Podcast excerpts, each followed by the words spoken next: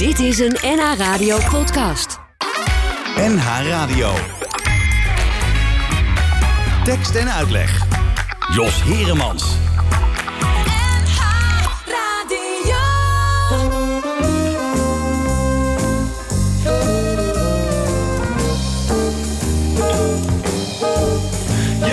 Vroeg, je ziet het laat, waar je ook gaat en waar je staat. Nu onverwacht een olie gaat, soms in je bed en soms op straat. Het is de neid, het is de haat, het is de afgunst en de smaad. Het is de oude psychopaat, het is de overdaad die schaadt. Het zijn de wortels, het zijn de wortels van het kwaad. Het is de slinkse diplomaat, het is de slechte kameraad en de corrupte advocaat. Het is Jan Rap, het is zijn maat, het is de dure telepaat, het is de dikke potentaat, het is de duivelse piraat, de deserterende soldaat. Het zijn de wortels, het zijn de wortels van het kwaad, het zijn de wortels van het kwaad. Prostaat, de kriebel in je apparaat. Het is het zinderende zaad dat hevig hunkert naar de daad. Maar ook de zielige kastraat bij de kapotjesautomaat. De eerbiedwaardige prelaat die worstelt met het celibaat. Het zijn de wortels, het zijn de wortels van het kwaad. Het is de flikker van formaat, de renegaat, kaninevaat, de pleger van het plagiaat, de futurist en de fanaat. Het is de vermogende magnaat, het is de plugger van de blaad, de kannibaal en de kroaat. Het is de dove die roept waard. Het zijn de wortels, het zijn de wortels van het kwaad, het zijn de wortels van het kwaad. Het is het meisje van de straat, het is haar hart dat sneller slaat. Daar komt de heer met wie zij gaat en zijn hormonenpreparaat. Het is het aangebrand gebraad en de vergiftigde tomaat. Het is spinazie met fosfaat, het is de stank op het privaat. Het zijn de wortels, het zijn de wortels van het kwaad. Het is de man die s'avonds laat uit wandelen gaat een internaat en kleine jongens schade slaat en in ze knijpt en met ze praat. Het is de som van A kwadraat en B septiem en C paraat. Het zijn de wortels. Precies, ja zeker inderdaad. Het zijn de wortels van het kwaad. Het kwaad.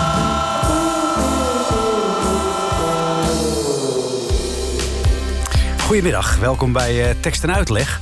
En eh, deze tekst en uitleg eh, zouden we eigenlijk ook seks en uitleg kunnen noemen. Want we gaan een uur lang met Bert Sliggers praten over erotiek en onzedelijkheid in de jaren 30. Bert, goedemiddag. Ja.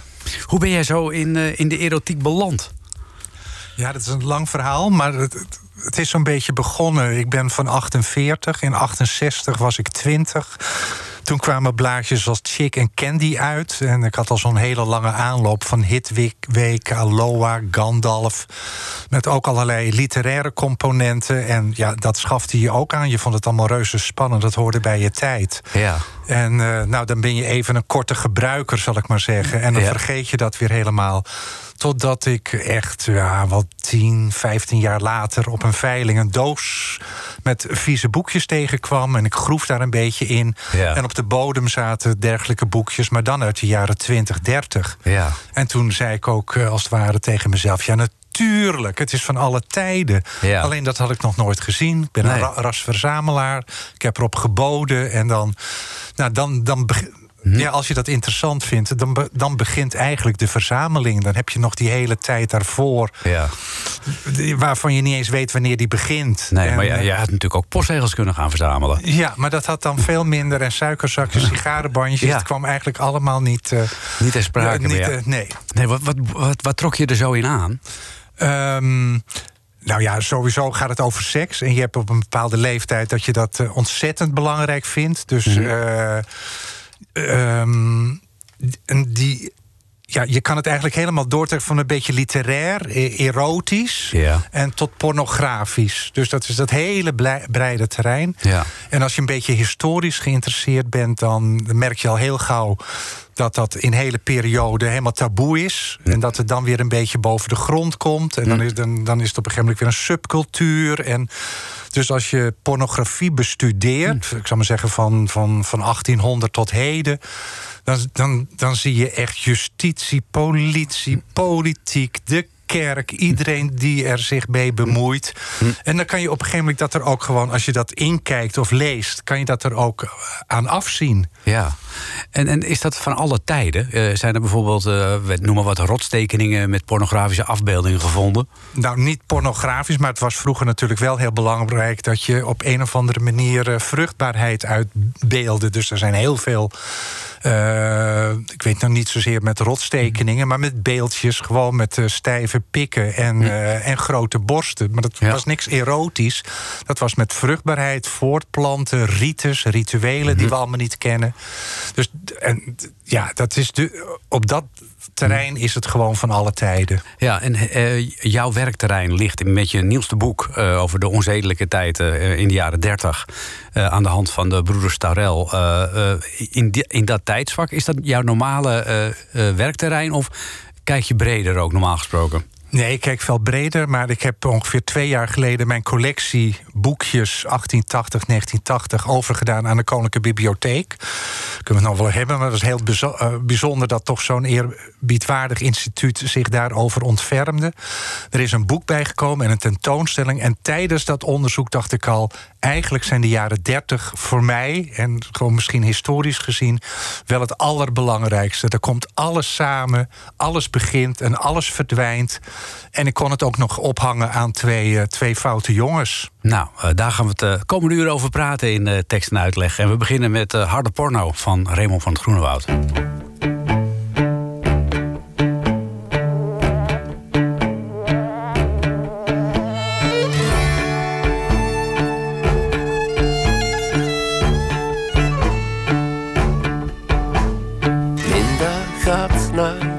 Tentoonstellingen. Jelp, jelp. Tentoonstellingen. Jelp, jelp. Tentoonstellingen. Jelp, jelp. Theater en tentoonstellingen. Jelp, jelp. Tentoonstellingen. Jelp, jelp. Tentoonstellingen. Mantelpakje. Hoge hakken. Zuinig mondje. Ze denkt aan haar niveau. Linda met Met Hegel en Adorno. En ik, ik ben een arme man. Ik kijk naar harde porno.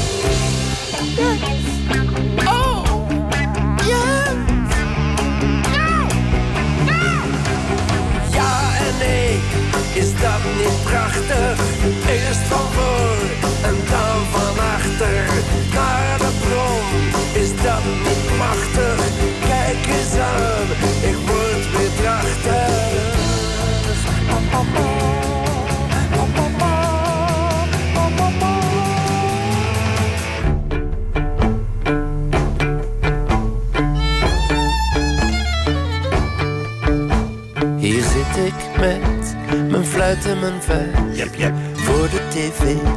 We gaan samen uit in opwinding. Fluit in mijn vuist voor de tv. We gaan samen uit. Ik zou een goede Duitser zijn. Veel beter dan Adorno. Want ik, ik hou van voetbal.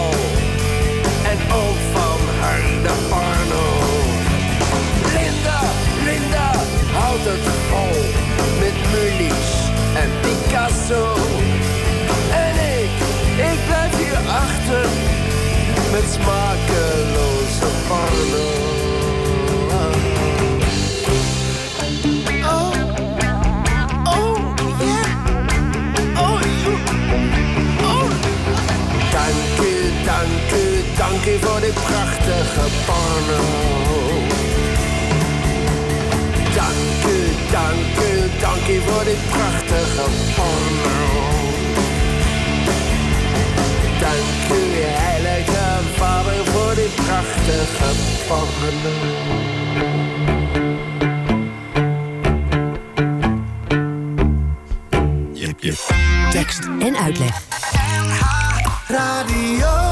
Ja, en we praten in dit uur eh, van eh, tekst en uitleg eh, over erotiek, over de onzedelijke jaren 30. En we doen dat met Bert Sliggers. Eh, Bert eh, Sliggers was eh, in zijn werkzame leven conservator in het Tijdersmuseum in Haarlem. En verzamelt eigenlijk al jarenlang alles wat met eh, erotiek te maken heeft. Maar dat is misschien iets te breed, Bert, alles wat met erotiek te maken heeft.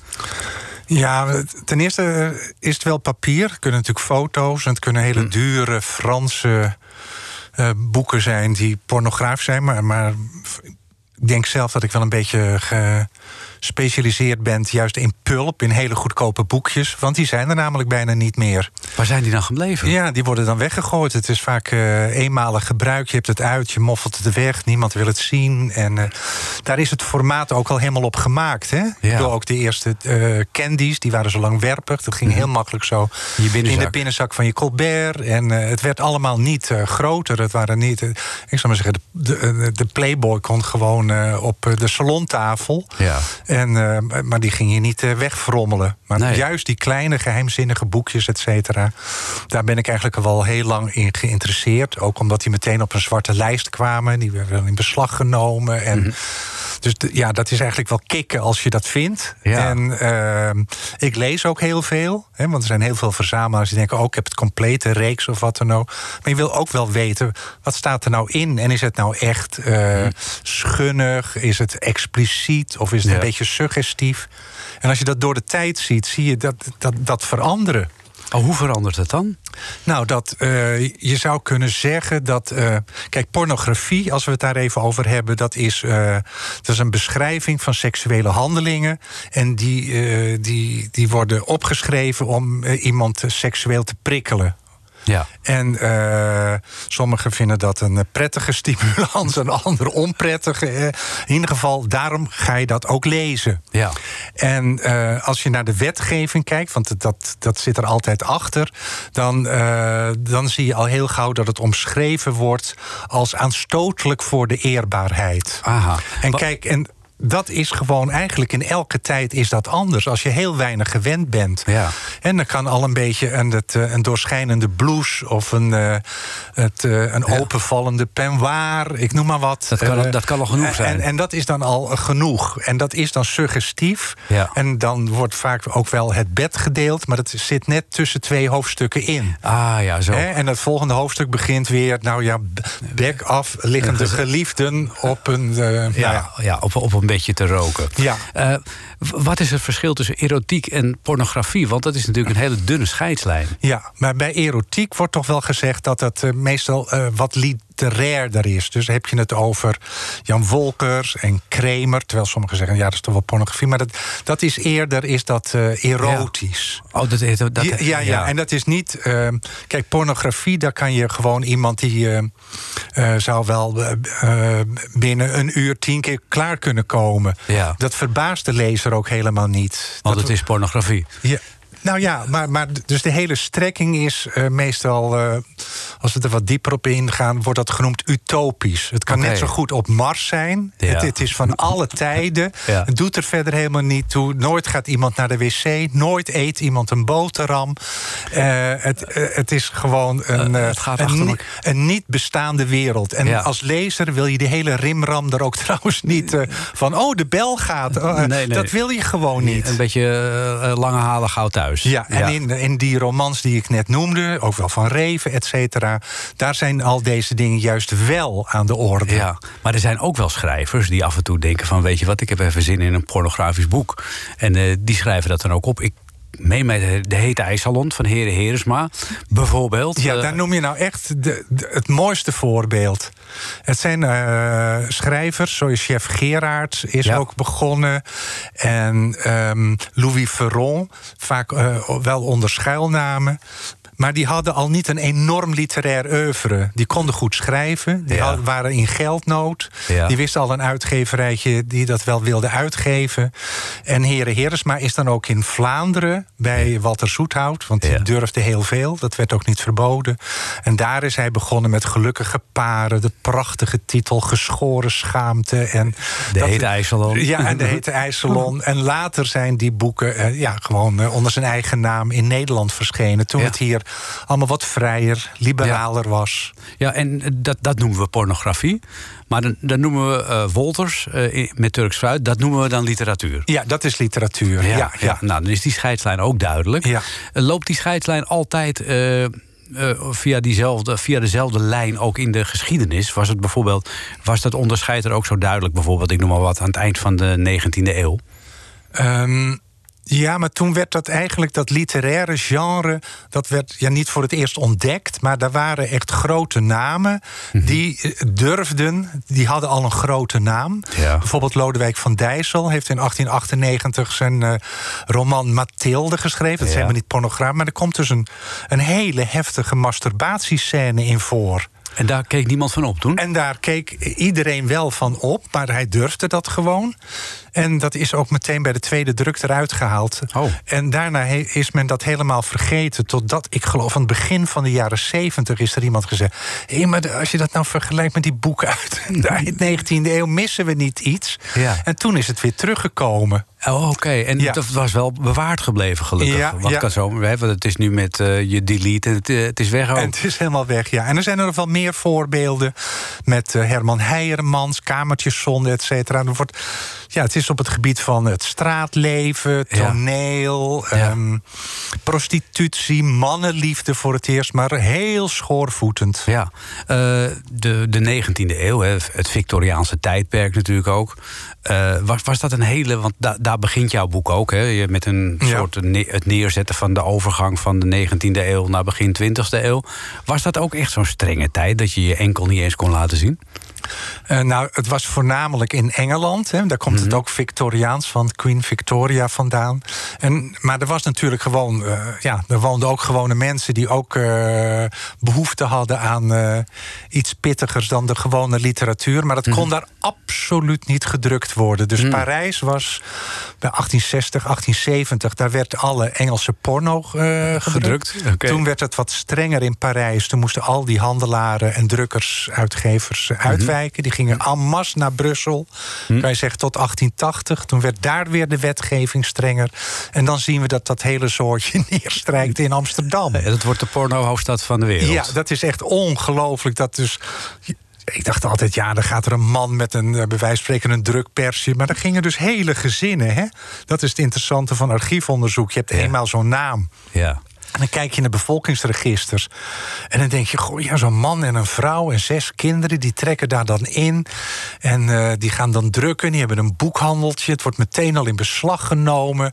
Ja, het is een hele mysterieuze, rare wereld. Totdat ja, rond 1900 ook de Amsterdamse politie en de wetgeving is daar ook al op ingesteld. Ja. Moeten ze allemaal weer opstappen. En dan zie je in 1900 kan je niet meer nog een hoofdstad uitzoeken dat je denkt, ja, dat is dan eh, voortaan mijn postadres. Dan zitten ze Ja. opeens in Budapest en in Madrid, en Barcelona. Dan kan je het eigenlijk niet meer volgen. Dan, dan wordt het versplinterd als het Ja, ware. ja, ja. ja, ja, ja. Nou, over die boeiende wereld van de erotiek en wie er allemaal achter zitten... en dan met name ook in Amsterdam, eh, daar eh, praten we hier over in eh, tekst en uitleg. Maar eerst eh, wil Dr. Anders P. u iets laten zien.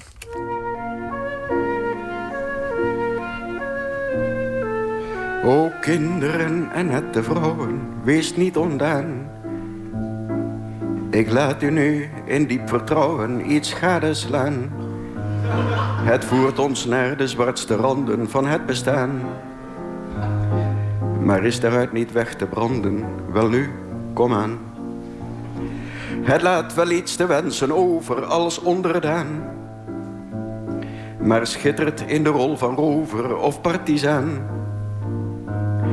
Het kan de grootste stommiteiten daarbij begaan. En trekt nadien zich van verwijten geen donder aan. Het pleegt in tijden van verveling wat schuil te gaan. Maar reageert op elke streling geheel spontaan. Dan wordt het opgetogen wakker, dan gaat het staan. En aanstonds wil de felle rakker er tegenaan. Dan is het niet meer zo verlegen, veel eer profaan. Het heeft een dikke kop gekregen van eigen waan. Het is wat malser en wat rechter dan één banaan. Voor vruchtensla heeft men er echter maar weinig aan. Een buitenechtelijk verlangen kan dan ontstaan. Men hoeft er niet meer voor te hangen, men durft het aan. Wie zou die minnenden beschreeuwen met boos vermaan? De echo van de middeleeuwen, het Vaticaan. De ongedwongen Arabier kan zich laten gaan. Bijvoorbeeld in het speelkwartier van zijn karavaan. Want daar ontspant men zich van harte en simultaan. Niet dat angstvallige aparte, maar zwaankleef aan. De grijzer ligt met open ogen en voelt een traan. Pliep! Lichamelijke dialogen zijn van de baan. Ploep! Hoe kan men in doorwaakte nachten als veteraan? Plup! De smart om wat eens was verzachten, het is niets gedaan. De eens zo mannelijke krachten teloor gegaan.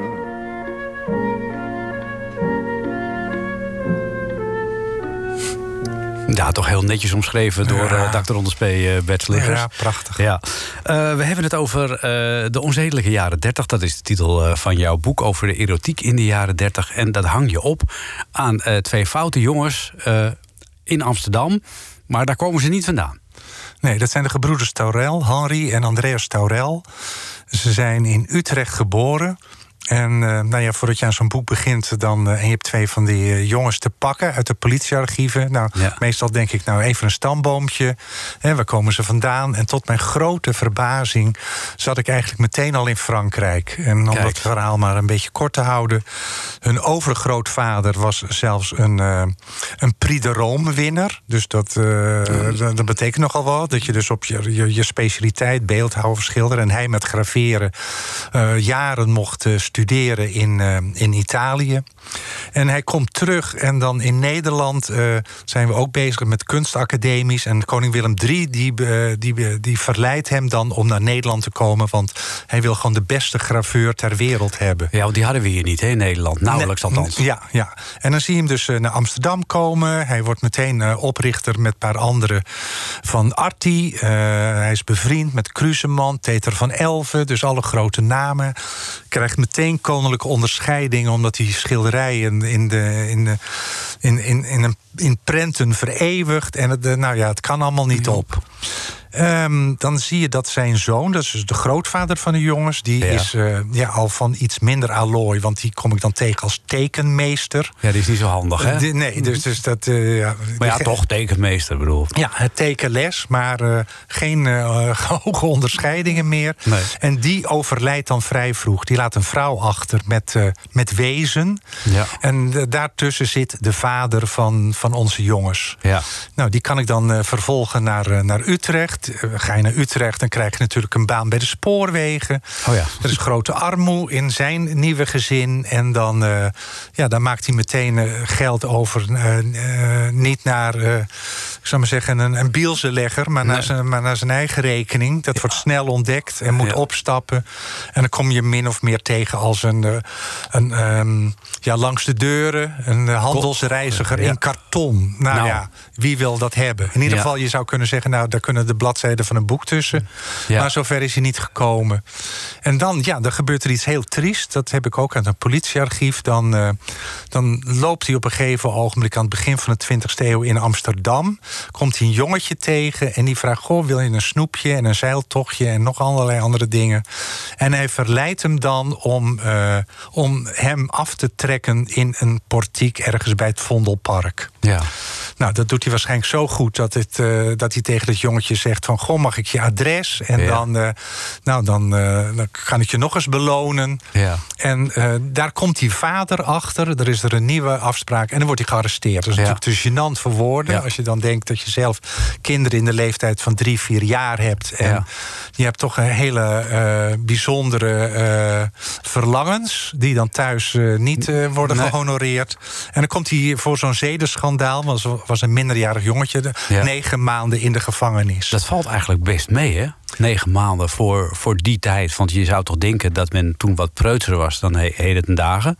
Ja, maar dat, die delicten kwamen helaas vaker voor. Oh. Dus als je kijkt naar... Hoe komt dat, denk je? Ehm, ja, dat, dat, dat, daar was de wetgeving wel heel duidelijk over. Mhm. Maar dat was ja, toch ook veel. ehm, benauwde huizen, op elkaar wonen. Men zag ook veel meer Mhm. Ja. van ouders die, eh, hè, die eh, seks met elkaar hadden, gehoorig. En eh, men was ook wel. Het maakte meer bepaald- deel uit van het in- gewone ja, leven. be- bepaalde, niet dat dat dan goed is dat je je laat aftrekken, maar als je ziet in de justitiële archieven hoeveel zedenschandaaltjes er zijn, ja, dit is veel meer dan, dan tegenwoordig. Mhm. Ja. Nou, in ieder geval, die vader gaat de gevangenis in. Die komt natuurlijk wel weer terug. Weinig geld. En dan mijn Andreas en Henry... die groeien dan op voor galg en rat. rat, ja. Hè, De een gaat stelen, dan zijn ze wat ouder. Dan is het desertie en dan zitten ze een straf uit. En dan, dan, dan, ehm, dan wordt er weer gestolen... eh, ze beginnen zaakjes, ze zijn meteen failliet. En, ehm, en zo kachelt dat eigenlijk een beetje door tot 1930. En dan? En dan eh, zie je zoals. Nou ja, dan heb je in 1929 heb je de beurscrash. Ja. Het is misschien nog wel even goed te zeggen Ja. dat we dan ondertussen in het interbellum zitten. Ja, dus tussen twee, weer, tussen twee wereldoorlogen in, hè? Alleen Ja. de mensen die toen leefden wisten niet dat ze tussen twee eeuwen. eh, Nee. eh, dus me- na 1918 was er een soort bevrijding van we gaan het anders doen. De Roaring Twenties. hè, In Ja. Berlijn was, dansen ze bloot op tafel, om het zo maar te zeggen. Ja. En, de- en dat was ook een van de redenen dat ik dat wist van Berlijn en Wenen en Parijs. Dat ik dacht, is dat nou niet in, in Amsterdam geweest? En? En eh, ook, maar minder uitbundig. En daar hebben deze twee jongens eigenlijk een, eh, ook een rol in gespeeld. Ja. Want wat gebeurde er in die tijd? Voor het eer, nou ja, je, je zei Ja. het zelf net al, eh, de Charleston en muziek. En men ging voor het eerst naar de bioscoop. En ging- Cabarets. ja, en er was opeens een bad, een strandleven. De naturisten van de vrijkurpencultuur uit Amsterdam. Dat werd hier ook omarmd. Ja. En ja, er ging er, jeetje, wat gebeurt, wat moeten we allemaal verbieden? En, Ja, en daartegenaan was dra- overmatig drankgebruik, prostitutie. Nou, vind dan maar eens je weg daarin. Eigenlijk was het alle remmen los tussen de jaren 20 en 30. Ja, ja. Ja. En- En wilde je dan toch nog na die beurscrash van 1929 je geld verdienen en een beetje slim?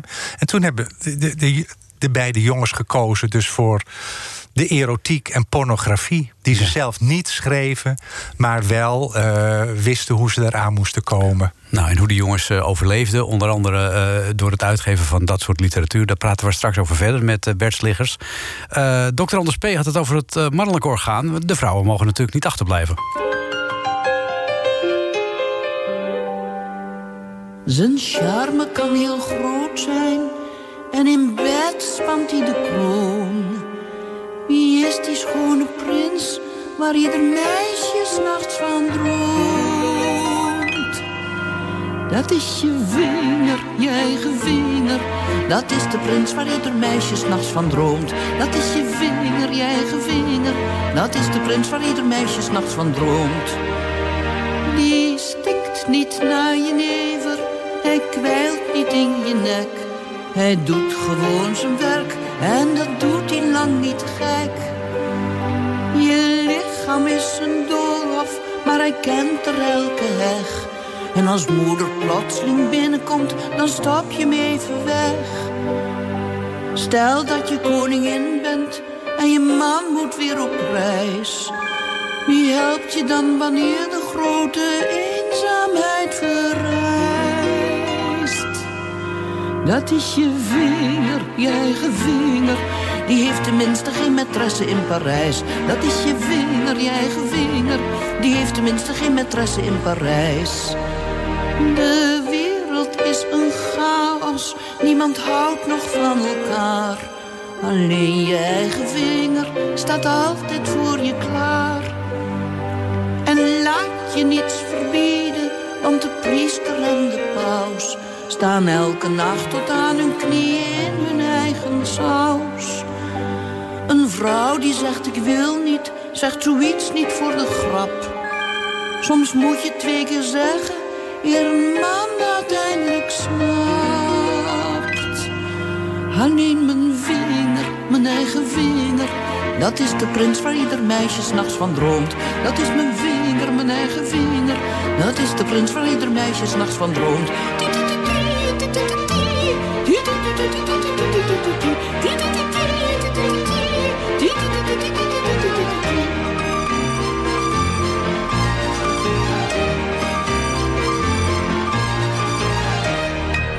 Adele Bloemendaal met het vingerlied. We praten met eh, Bert Sligger, Sliggers over uh, het boek uh, wat hij schreef... Over, ja, mogen we wel zeggen, de zedeloze jaren 30. Aan de hand van het verhaal van twee Amsterdamse broers. De broers Taurel. je hebt al even neergezet, ze groeiden op voor Galgerat, vertelde je al. En uiteindelijk, dus begin jaren 30, dan stortten zij zich op de erotische literatuur nou ja, lectuur moet ik eigenlijk zeggen. Uh, wat mij uh, uh, opviel was dat ze daarbij eigenlijk het principe van een soort leesbibliotheek hanteerden ook. Hoe, hoe zat dat in zijn werk? Um, nou, ten eerste, schreef, ze schreven het niet zelf, dus ze moesten het eraan komen. En dan zie je in de lijsten die de politie in de boeken in beslag nemen, zie je dat heel veel Duits is. Er is veel Frans, een beetje Engels, ook van het Nederlands.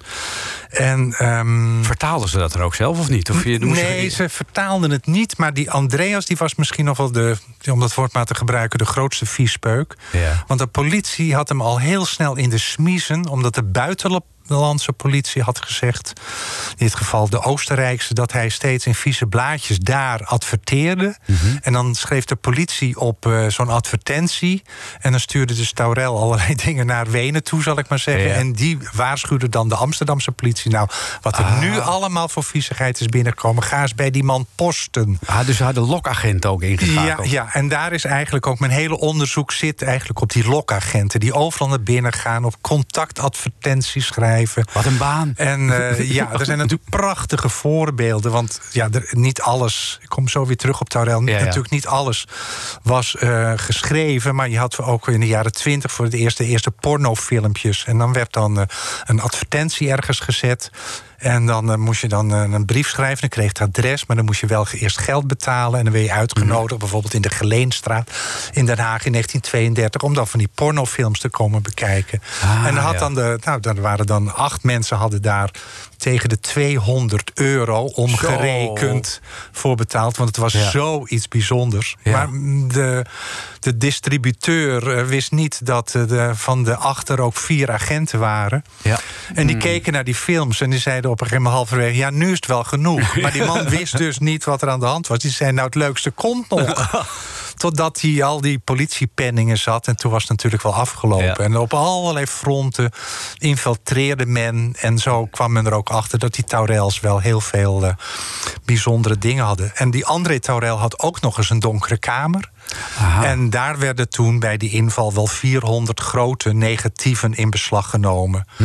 En de politie zag ook meteen dat het negatieven waren van, ik zou maar zeggen, de eerste keus. En je kan wel vieze plaatjes fotograferen. Ja. En die weer fotograferen. Fotograferen. En dan wordt het steeds minder. Maar dit Ja. was zo scherp en men kende de voorgestelde niet. Ook met kinderen zodat men er echt bovenop dook. Ja. En dan zie je dat die foto's in boekjes terechtkomen. Die worden verkocht en die komen je zelfs in wetenschappelijke boeken in Duitsland tegen. Oh. En dat was ook mijn manier van werken. Om dan eh, via al die publicaties en mensen netwerken... eh, als een soort cold case om daarmee bezig te zijn. Ja, want ik las ook een geval van dat was gewoon een gezin. En die, die, die maakte daar zelf ook foto's van en dergelijke. En met, met hun dochter erbij en dat soort dingen. Dat was, gewoon- het was gewoon een soort, eh, ja, een soort handeltje. Ja. Gewoon een, een, mini-BV'tje, familie-BV'tje. Ja, dat was een, eh, een, eh, een Duitse journalist die in Halfweg woonde... en die eh, ja, misbruikte zijn Ja, eigen kind. kinderen en vriendinnetjes die over de vloer kwamen. Dat is een enorm eh zedenschandaal geweest in 1933. Man heeft ook elf jaar gezeten in Leeuwarden. Dus de, de, de- we hadden het er net over gevangenisstraffen, maar Ja. dat is natuurlijk behoorlijk heftig.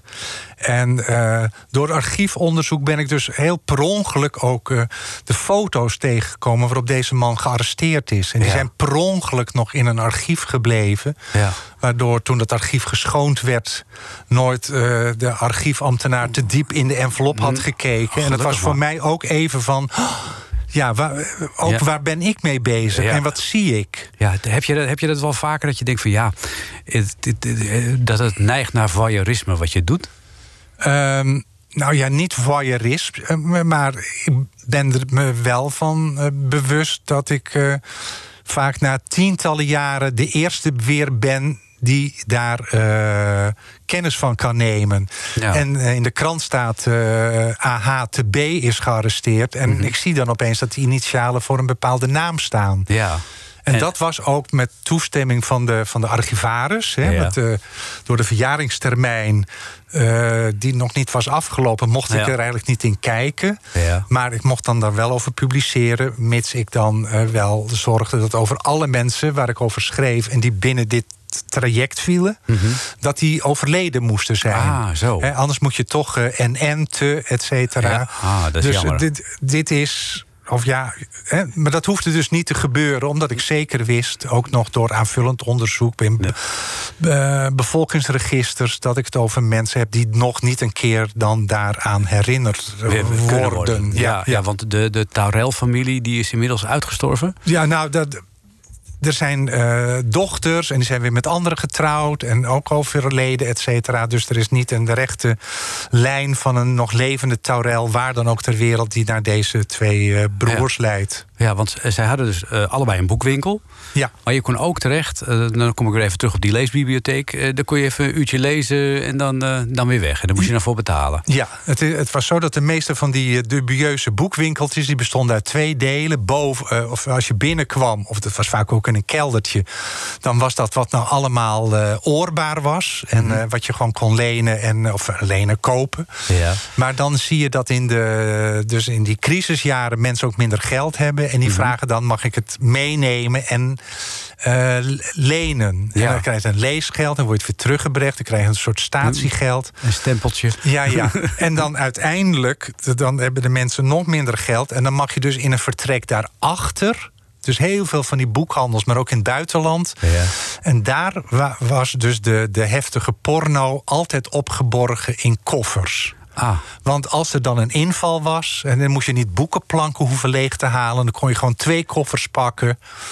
En, eh, en, en dan kon je weg zijn. Maar de je- politie viel ook wel eens heel onverwachts binnen. Ja. En dan zat er dus gewoon in de Tweede Kamer iemand te lezen bij een geopende koffer. Nou, dan was je behoorlijk te klossen. Ja, ja, ja. ja, er werd alles waarschijnlijk ook in beslag genomen. En, Ja. en verbrand, denk ik, in die tijd. Ja, in eerste instantie ging dat ook nog naar een archief. Een archief van het Rijksbureau eh, ter bestrijding van de handel in vrouwen en meisjes. En de handel in ontuchtige uitgaven. Een enorme, je zou kunnen zeggen, dat is eigenlijk een soort voorloper van de, van de zedenpolitie. Ah ja, ja. En dan, werden, dan moest er ook nog een, ehm, een, ehm, iemand van de Rijkspolitie alles lezen. Oh.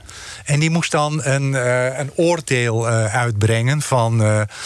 Nou, dit, dit is eigenlijk een beetje schunnig, maar niet erg. Tot zware porno. En daar werden lijsten van gemaakt. Ja. En die eh, konden dan de opsporingsambtenaren bij zich hebben... als ze een boekwinkel binnenkwamen of bij de Taurels, et. Ja, cetera. ja. En je kan dus zien dat steeds als er een inval is bij de Taurels... dat er bijna een nieuwe uitgave van die lijst nodig is. Dus die hadden, dat ben ik bij geen andere boekhandel tegengekomen... maar die hadden dus zo'n goede neus, maar ook geld...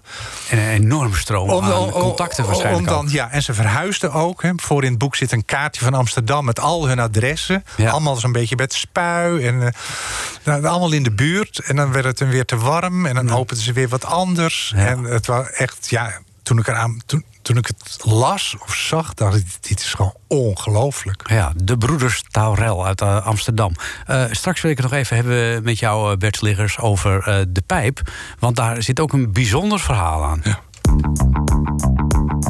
De muziek ging uit, de club ging dicht. Daar stonden we dan in het TL-licht. Maar het stond je wel, dat DL.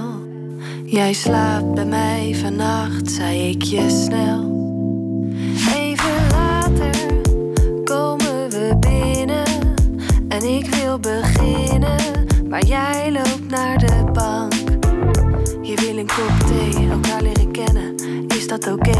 Je begint te vertellen. Je woont in de pijp, was lid van het koor. Je zit in de sales en je praat maar door. Maar die bio, het boeit me geen fluit. Ik wil met je naar bed. Dus trek het uit. Hou je bek en bef me. Hou je bek en me.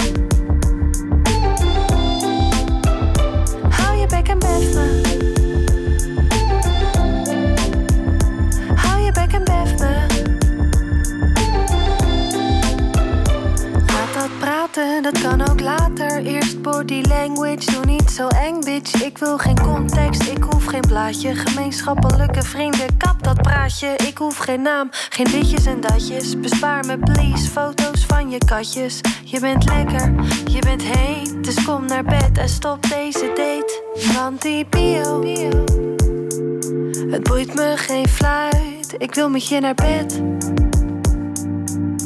Dus trek het uit.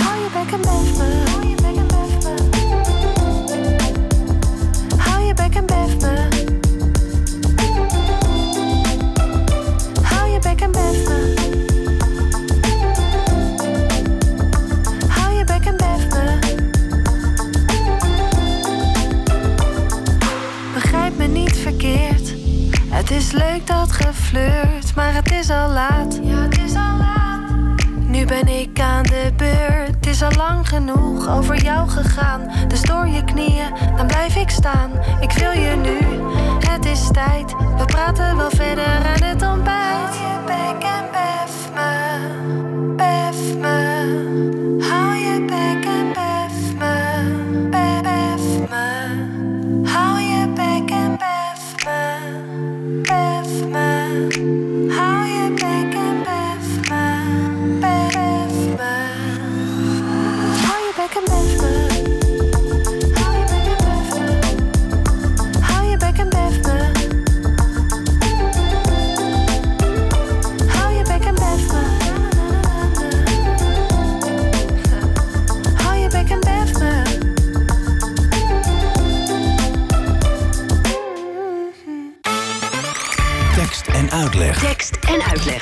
Jos Heremans.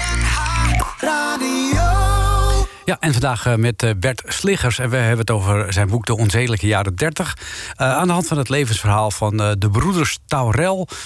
Ja, dat waren eigenlijk twee vieze mannetjes in Amsterdam... die allerlei boekjes uitbrachten... die ze behoorlijk goed aan de man konden brengen.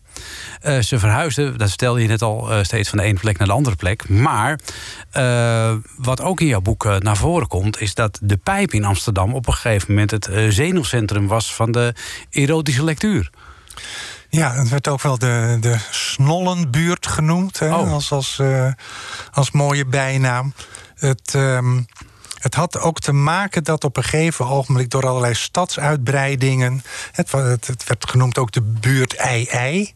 Oh, waar komt die naam vandaan? Ja, dat, uh, heel Amsterdam was in, uh, in, ingedeeld in wijken. En die Hmm. hadden, werden gewoon genoemd naar de letters van het alfabet. Oké. Okay. En dan, dan nou, bij een nieuwe wijk was, was dat voor die buurt de, de aanduiding. En daar werden vrij grote huizen ook wel neergezet. Maar ook heel veel mensen konden dat niet betalen. Dus dat werd dan meteen onderverhuurd. En je ziet dan meteen uit allerlei delen van de stad dat daar prostituees komen. Ja. En het bijzondere is dat er eigenlijk gewoon een nieuw soort van prostitutie komt. We weten nu, het is allemaal achter de ramen. Mhm. Mm -hmm. Maar dan uh, ging je een beetje flaneren op straat... of je pikte mensen op in een cabaret of een barretje... en nam ze dan mee. En uh, dus een heel andere manier van werken. Ja. Ja. En dan ontstaat er, en dat is eigenlijk uh, nou, die hele periode die ik onderzocht heb... dan zie je ook meteen dat er boekjes of tijdschriften ontstaan... waar en uh, min of meer dan de, wordt aangeboden wat er in een bepaald gebied speelt. En om zo te communiceren met je klanten. Ja. En dat was het blad. Pst, pst. Nou heel ja, mooi, dat, zegt, genoeg, dat zegt al genoeg. ja. Dat heeft ook maar twee jaar uh, bestaan. Het is eigenlijk het eerste Nederlandse uh, weekblad. Zo vaak mm -hmm. kwam het uit. Waar dus uh, allerlei pikante mopjes en rare tekeningetjes. En op den duur dus contactadvertenties. Ja. En die, uh, nou, die zijn echt uh, behoorlijk uh, heftig. Zoals He, dat, nou, nou, ja, wie wil mijn marmotje zien? En meer van... nou ja, dus wel heel suggestief. Maar ja. ook waar, waarom zwarte mannen worden gevraagd. En mm. trio's en lesbisch. Eigenlijk kwam alles voorbij. Nou, dat was ook de reden van de politie om dan steeds in te in te grijpen en uh, uiteindelijk om dat blad ook te, te verbieden. En uit het proces, um, proces verbalen kom je er ook achter hoe zo'n blad gevuld wordt, wie de hoofdredacteur is. Uh, dat het blad bijna heel. Je kon je er niet op abonneren, maar het is helemaal de losse verkoop. En waar, waar, koop, waar koop je dat dan? Waar ja, er waren bij kiosken en, oh, vooral op, en vooral ook op het uh, station. En nou, onder de toonbank, als het. En, en, en onder de toonbank. En er ja. waren natuurlijk allemaal boekhandels die dan weer zeiden van hier kan je je advertentietekst uh, opgeven ah, of je ja. brieven onder nummer. En maar die ja. moest je wel dan ergens op kunnen halen. Ja. En dat was vanaf het begin ook uh, dat de politie dus uh, gewoon aan de hand van die advertenties zei van ja, wat, wat is dit nou? Ja. En dan bij een boekhandelaar gewoon zei van nou, de binnengekomen brieven die nemen wij in beslag. En dan gingen zij dan op schrijven. Ah ja, om de mensen een beetje uit te lokken. Ja, en dan zie je dus gelukkig nog in die van die, die antwoorden. Ja. En ja, het is bijna natuurlijk wel gemeen. Want ze zeiden dan ook de politie... ja, we moeten dan brieven schrijven in de taal van de mensen. Dat betekent oh, ja. gewoon heel veel taalfouten erin. Ja, Anders ja, valt het op. Dus de. DT, hup, de T weg. En dan, uh, en dan was het toch zo...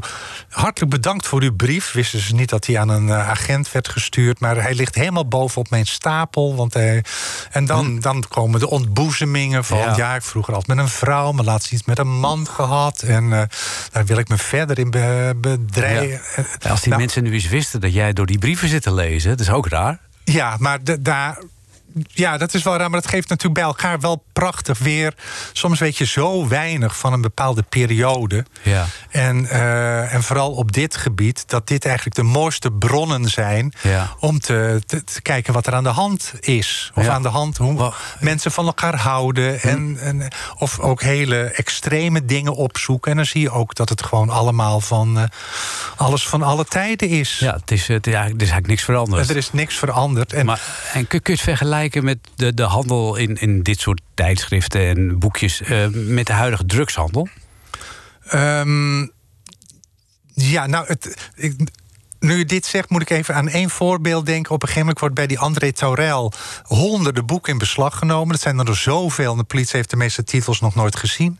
Dan nemen ze dat mee en dan maken ze een foto van op het binnenterrein van het politiebureau. Mhm. En dan zie je een soort tafels met witte lakens en een half boekenkastje erop. En, zijn, en daaronder staat de collectie, de boekcollectie van een ziekelijk persoon. Oh ja. Maar voor hetzelfde geld lagen daar wapens of was de drugsvangst. Ja, precies. Dus helemaal zo uitgesteld van. van Ja. Eh, uitgestald van, nou dit is zo erg, dat, moet, Ja. dat moeten we gewoon fotograferen. En, Ja. eh, dus daar lijkt het wel een beetje Een op. beetje, ja. ja. In ieder geval dat Ja. tentoonspreiden van, van, van de buiten in ieder geval. Ja. Hoe is het met de, de mannen Taurel afgelopen eigenlijk? Ehm, nou, de een is nog, die Andreas is nog in de Tweede Wereldoorlog nog jaren in de gevangenis geraakt. Oh. En is uiteindelijk daar. eh, nou, Vanwege handel in, eh, ja, van- ja, ja, ja, in ja. erotische literatuur, Ja, ja. lectuur. Ja, en de Henri Taurel die moest echt stoppen, want er hing hem een enorme gevangenisstraf ook boven het hoofd. Hm. En door eigenlijk alles vrij te geven en een adres en correspondentie en al zijn spullen, is dat niet gebeurd. En die is nou net na de oorlog overleden. En toen had hij nog een soort van boekwinkeltjes, maar dat was dan meer met bloknoten en veel Ja. pennen. Dus het was veel meer een kantoorboekhandel. Boekhandel geworden. Ja, ja. Ja, maar ja. toen was het ook in die tijd eigenlijk ook voor al hun collega's afgelopen. Ja. In de Tweede Wereldoorlog werd het totaal niet getolereerd. Nee. En dan ging het echt niet om een gevangenisstrafje. En ehm, nee, Ja, het was maar- totaal over. Ja, in de jaren zeventig kwam het weer een beetje op stoom allemaal. Of, Nee, nee, het grappige is dat meteen na de Tweede Oh. Wereldoorlog. Nee, dat is zo'n behoefte. Alleen vrij laat, omdat er een gigantische papierschaarste was. Ah, dus je ja. zag in 46, 47 nog niks. Er moest gewoon de Afrobode nog uitkomen. Ja. En, eh, en tijdschriften en boekjes die we kenden. En dan zie je in 48, oké, kom maar op, wat willen jullie? Ja. En dan worden we helemaal bedolven onder de pin-up tijdschriften. Een Amerikaans voorbeeld, wel met Nederlandse verhalen en Ja. tekeningen. Ja. En dan zie je dan dat de verzuiling toeneemt. De. Rooms-Katholieke Kerk duikt erop. En dan zie je midden jaren 50 is het weer helemaal afgelopen. Ja. En gaat de hele handel, net zoals een beetje in de jaren 30, Ja. Weer, eh, ja. is het weer een, eh, ondergronds. Ja. En dat is zo, nou ja, Ja, in die ja. hele kort bestek dat ik dat beschrijf, denk je, oh, daar gaan we weer. Ja, ja, ja, ja. Het is eh, nou ja, een golfbeweging, zullen we maar zeggen. Ja. Ik vond het heel erg leuk om met je erover te praten, Bert. Maar de tijd zit er alweer op. Dus ik denk dat we het over die andere periodes maar een andere keer moeten hebben. Wat ik me tot slot nog afvroeg van... Nou, zit jij vakmatig de hele dag in dit soort lectuur? Wat doet dat met je? Ik bedoel, hoe is het met je eigen libido? Eh, ik zit gelukkig niet de hele dag. Ik vind het zo heerlijk dat ik dit, eh, dit af heb kunnen ronden. Ja. En, eh, maar het is wel iets wat je gewoon bezighoudt. En Ja. ik vind het wel heerlijk dat mijn vrouw er ook helemaal geen moeite mee heeft wat er allemaal binnenkomt. En Nee. soms de deur weer uitgaat. Ja, ja, wat zijn de mensen die jou een rare vent vinden... vanwege het bestuderen van dit soort dingen? Nee, maar het doet altijd wel een beetje natuurlijk. Oh ja, Bert met zijn vieze boekjes, et cetera. En, maar goed, nu zo'n boek is uitgekomen... en het is trouwens ook niet het eerste boek over dit Nee. onderwerp... weet men wel dat ik daar toch ook heel serieus eh, mee, mee bezig kan zijn. Ja, en eh, zo is het ook. De Onzedelijke Jaren 30, zo heet het boek. Het is eh, van Bert Sliggers en het ligt in de boekwinkel. En daar kan ik nog aan toevoegen dat het eh, boek van eh, Bert Sliggers is uitgegeven door uitgeverij Boom. Straks na zes uur het eh, Gouden Hitsmuseum van eh Ferdy Bolland. En ik eh, wil je ook nog even attent maken dat alle uitzendingen van Tekst en Uitleg terug te luisteren zijn als podcast. Dus niet alleen deze aflevering, maar ook bijvoorbeeld de aflevering met Spinvis, Annick Boer, Hadewig Minnes. En ga zo nog maar eventjes door. En op vele verzoek terug de zware versen in lichte tijden of de lichte versen in zware tijden. Wat was het nou? De lichte versen in zware tijden natuurlijk. Hier komt hij aan voor deze week. Er hangt een bordje op de deur bij de pornoregisseur. Met daarop een spreuk. Heel oud. Kreunen is zilver, hijgen is goud. Ik wens je nog een gezellige zaterdagavond. Gezellig?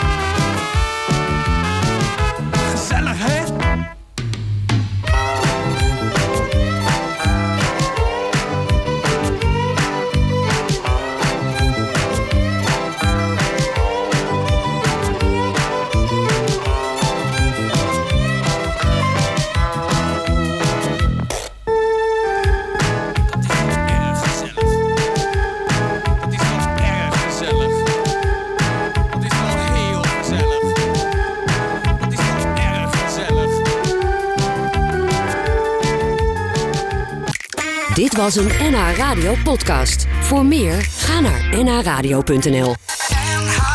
Radio.